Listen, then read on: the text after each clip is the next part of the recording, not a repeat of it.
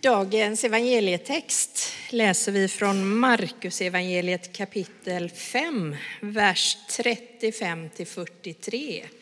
Och jag kan avslöja att det är samma text som de jobbar med nere i söndagsklubben.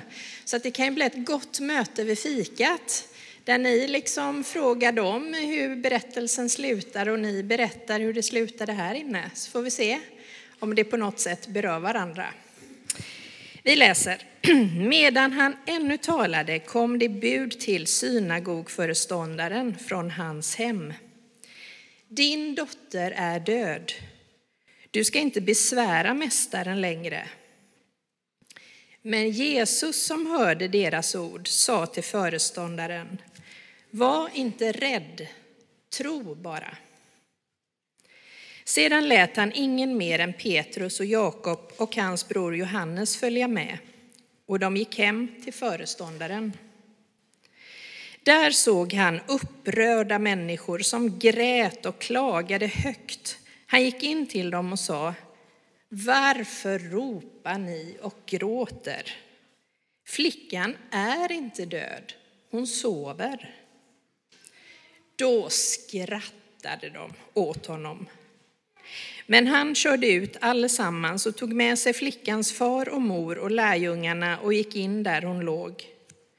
Så tog han barnets hand och sa, Talita, kom. Det betyder, lilla flicka, jag säger dig, stig upp. Och genast reste sig flickan och gick omkring. Hon var tolv år gammal. De blev utom sig av förvåning men han förbjöd dem att låta någon veta vad som hade hänt. Sedan sa han åt dem att ge flickan något att äta. Det är ett desperat rop på hjälp som föranleder evangelietexten vi just lyssnat till. Och den desperationen ska vi strax återkomma till. Men först några ord om Markus evangeliet. Markus funderar mycket på frågan och försöker svara på det i sitt evangelium. Varför kom Jesus till jorden? Jo, för att berätta vem Gud är. Inför, kort och gott så är det det Markus vill förmedla. Varför Jesus kom till jorden? Jo, för att berätta vem Gud är. Och inför varje läsning av evangelierna och inför varje predikan eller bibelstudie man deltar i så kan man fråga sig, vem är Gud? Hur uppfattar jag Gud när jag läser eller hör det här? Ta gärna med dig den frågan i ditt lyssnande eller dina egna funderingar under den här predikan. Vad vill Markus, den författare som fogat samman Markus evangeliet? Jo, hans syfte är att berätta att Guds rike är nära. Att det i Guds rike inte råder några gränser mellan människor. Gud har skapat alla, därför är Gud till för alla. Markus han berättar om en Gud som är starkare än naturens krafter, starkare än ondskan och starkare än sjukdom och död. Nästan alla berättelser handlar om det, att Gud är starkare. Jesus visar en Gud som har makt över liv och död och makt att hjälpa alla människor. Så nu närmar vi oss texten med frågan, vem är Gud? Ja, vi möter en pappa som är totalt maktlös. Hans snart tonåriga dotter är sjuk och nära att dö. Han är synagogföreståndare och han heter Jairos. När han ser Jesus så kastar han sig ner inför Jesu fötter. Ni kan ju se det framför er i fantasin. En pappas vanmakt som kastar sig ner inför Jesu fötter och vädjar om hjälp. Min lilla dotter är nära att dö. Kan du lägga dina händer på henne så att hon räddas till livet? Vi kan ana maktlösheten hos varje förälder som ser sitt barn lida. Min son har fått cancer och är nära att dö. Kom och lägg dina händer på honom så att han räddas till livet. Min dotter är deprimerad. Jag är rädd att hon tar livet av sig. Kom och lägg dina händer på henne så att hon räddas till livet. Min son är fast i ett kriminellt nätverk. Kom, Herre, och lägg dina händer på honom så att han räddas till livet. Min dotter missbrukar. Kom, Herre, och lägg dina händer på henne så att hon räddas till livet. Min son har inga kompisar. Han mobbas, är utanför. Kom och lägg dina händer på honom så att han räddas till livet. Min son, min dotter. Men vi skulle lika gärna kunna lägga in vårt eget namn eller vem som helst som vi känner som är sjuk eller lider och vi känner oss oroliga, maktlösa och desperata.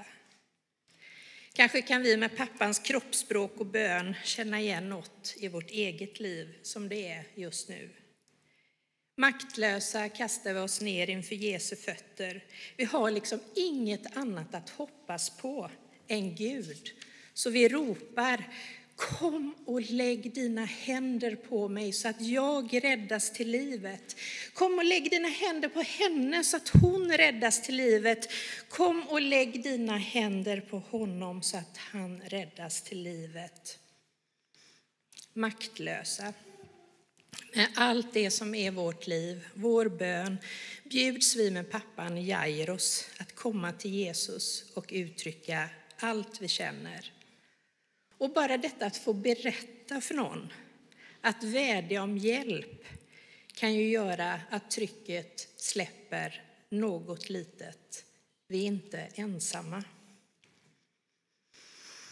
Vad händer när synagogföreståndaren hade berättat för Jesus om sin oro och sina bekymmer och längtan efter att Guds händer skulle göra helt och rädda till livet?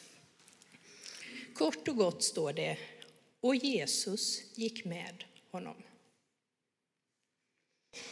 Detta att någon följer oss, är närvarande och delar vårt liv och vår bön.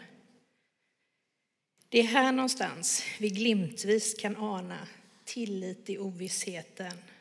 Det är nog, o Gud, att veta att jag lever i din hand. Kanske frågorna blir lösta, kanske får de inget svar. Kom och lägg dina händer på henne så att hon räddas till livet. Döden hotar om hörnet, men så länge det finns liv finns det hopp. Om hon hinner dö är det för sent. Det är vårt perspektiv. Efter döden är det inte så mycket vi kan göra. Döden är definitiv, tror vi. Men i Guds värld är det inte så. I miraklet som sker visar Jesus på att Gud övervinner döden.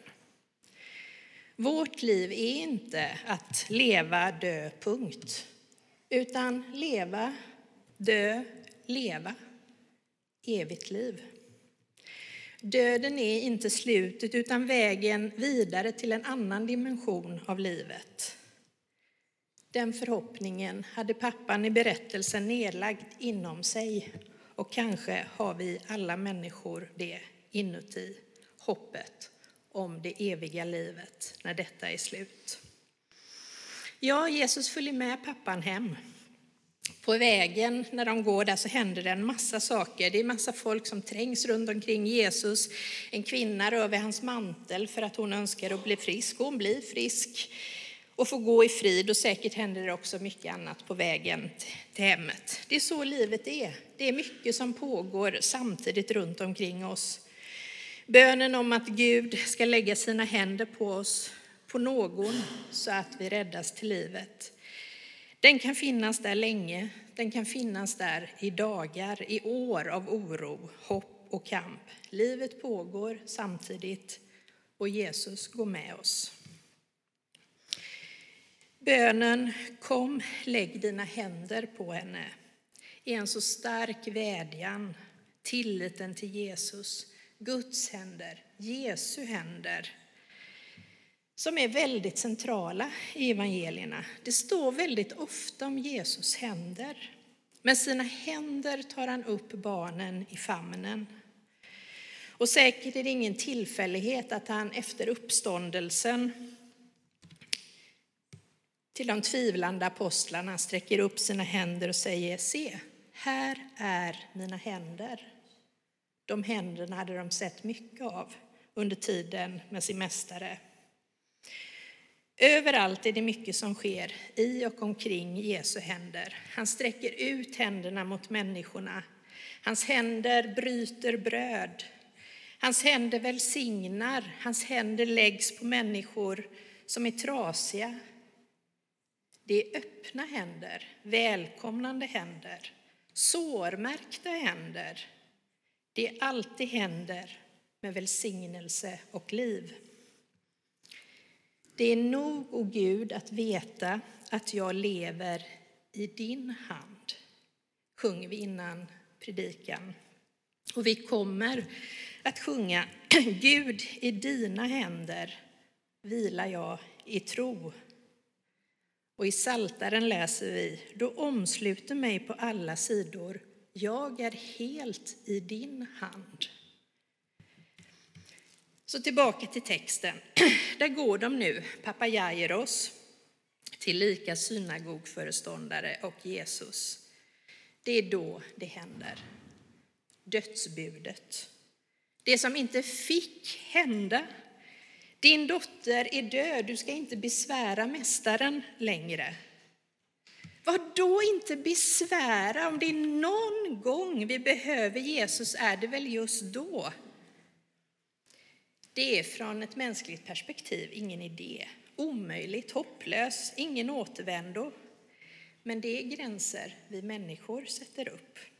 För Jesus finns det inga sådana gränser. Inte ens döden är en gräns. Därför säger han till pappan, var inte rädd, tro bara. Och jag älskar att Jesus säger så. För det jag hör i det han säger, det är tröst och hopp. En uppmaning till tillit trots allt. Var inte rädd. Tro bara. Du kan lita på mig. Det finns ingen plats dit Jesu händer inte når. Inget område där hans makt inte gäller. Han tar den döda i handen. Han exponerar verkligheten i orden som han själv har formulerat. Gud är inte en Gud för döda utan för levande. För honom är alla levande. Dit våra händer inte når, dit når Jesus händer.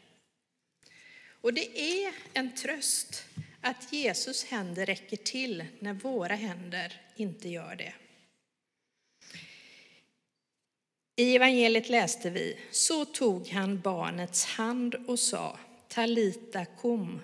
Det betyder, lilla flicka, jag säger dig, stig upp.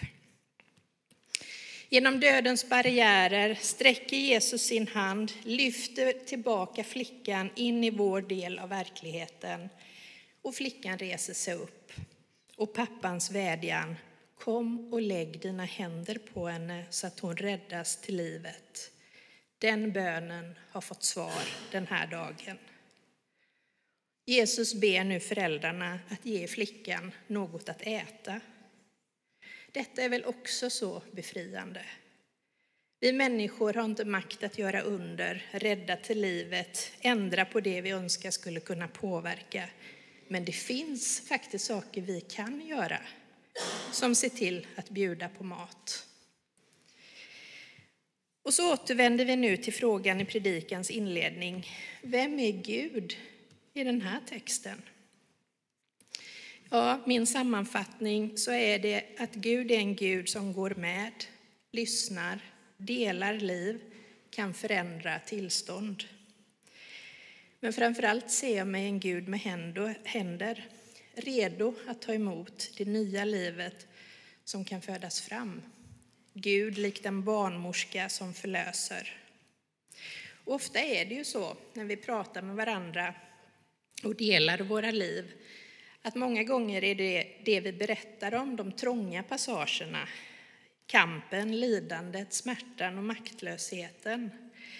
Där i födsloögonblicket på andra sidan det svåra finns något, inte samma som förut, men något annat. En Gud som viskar, var inte rädd, lita på mig. Gud väntar där på andra sidan det sköra livet. Gud väntar där med sina trygga händer. Också vid den fysiska döden. Det är ju många som vi ber för som inte blir friska och får vara med om mirakel. Också de människorna står Gud där på andra sidan och tar emot i sina händer och säger, var inte rädd, du kan släppa taget nu. Var inte rädd, du kan släppa taget nu. Jag tänker mig att födandet i våra liv sker om och om igen. I vårt liv och i vår omgivning. När vi är i en kris, en förändringsprocess, väntar på vårt nya liv, då står Gud där som en barnmorska och hjälper oss igenom den trånga passagen och viskar Var inte rädd, lita på mig. Tar emot oss i sina händer. Så vem är Gud? Ja, Gud är både detta liv och det eviga, skulle man kunna säga, är en barnmorska, en Gud med händer. Amen.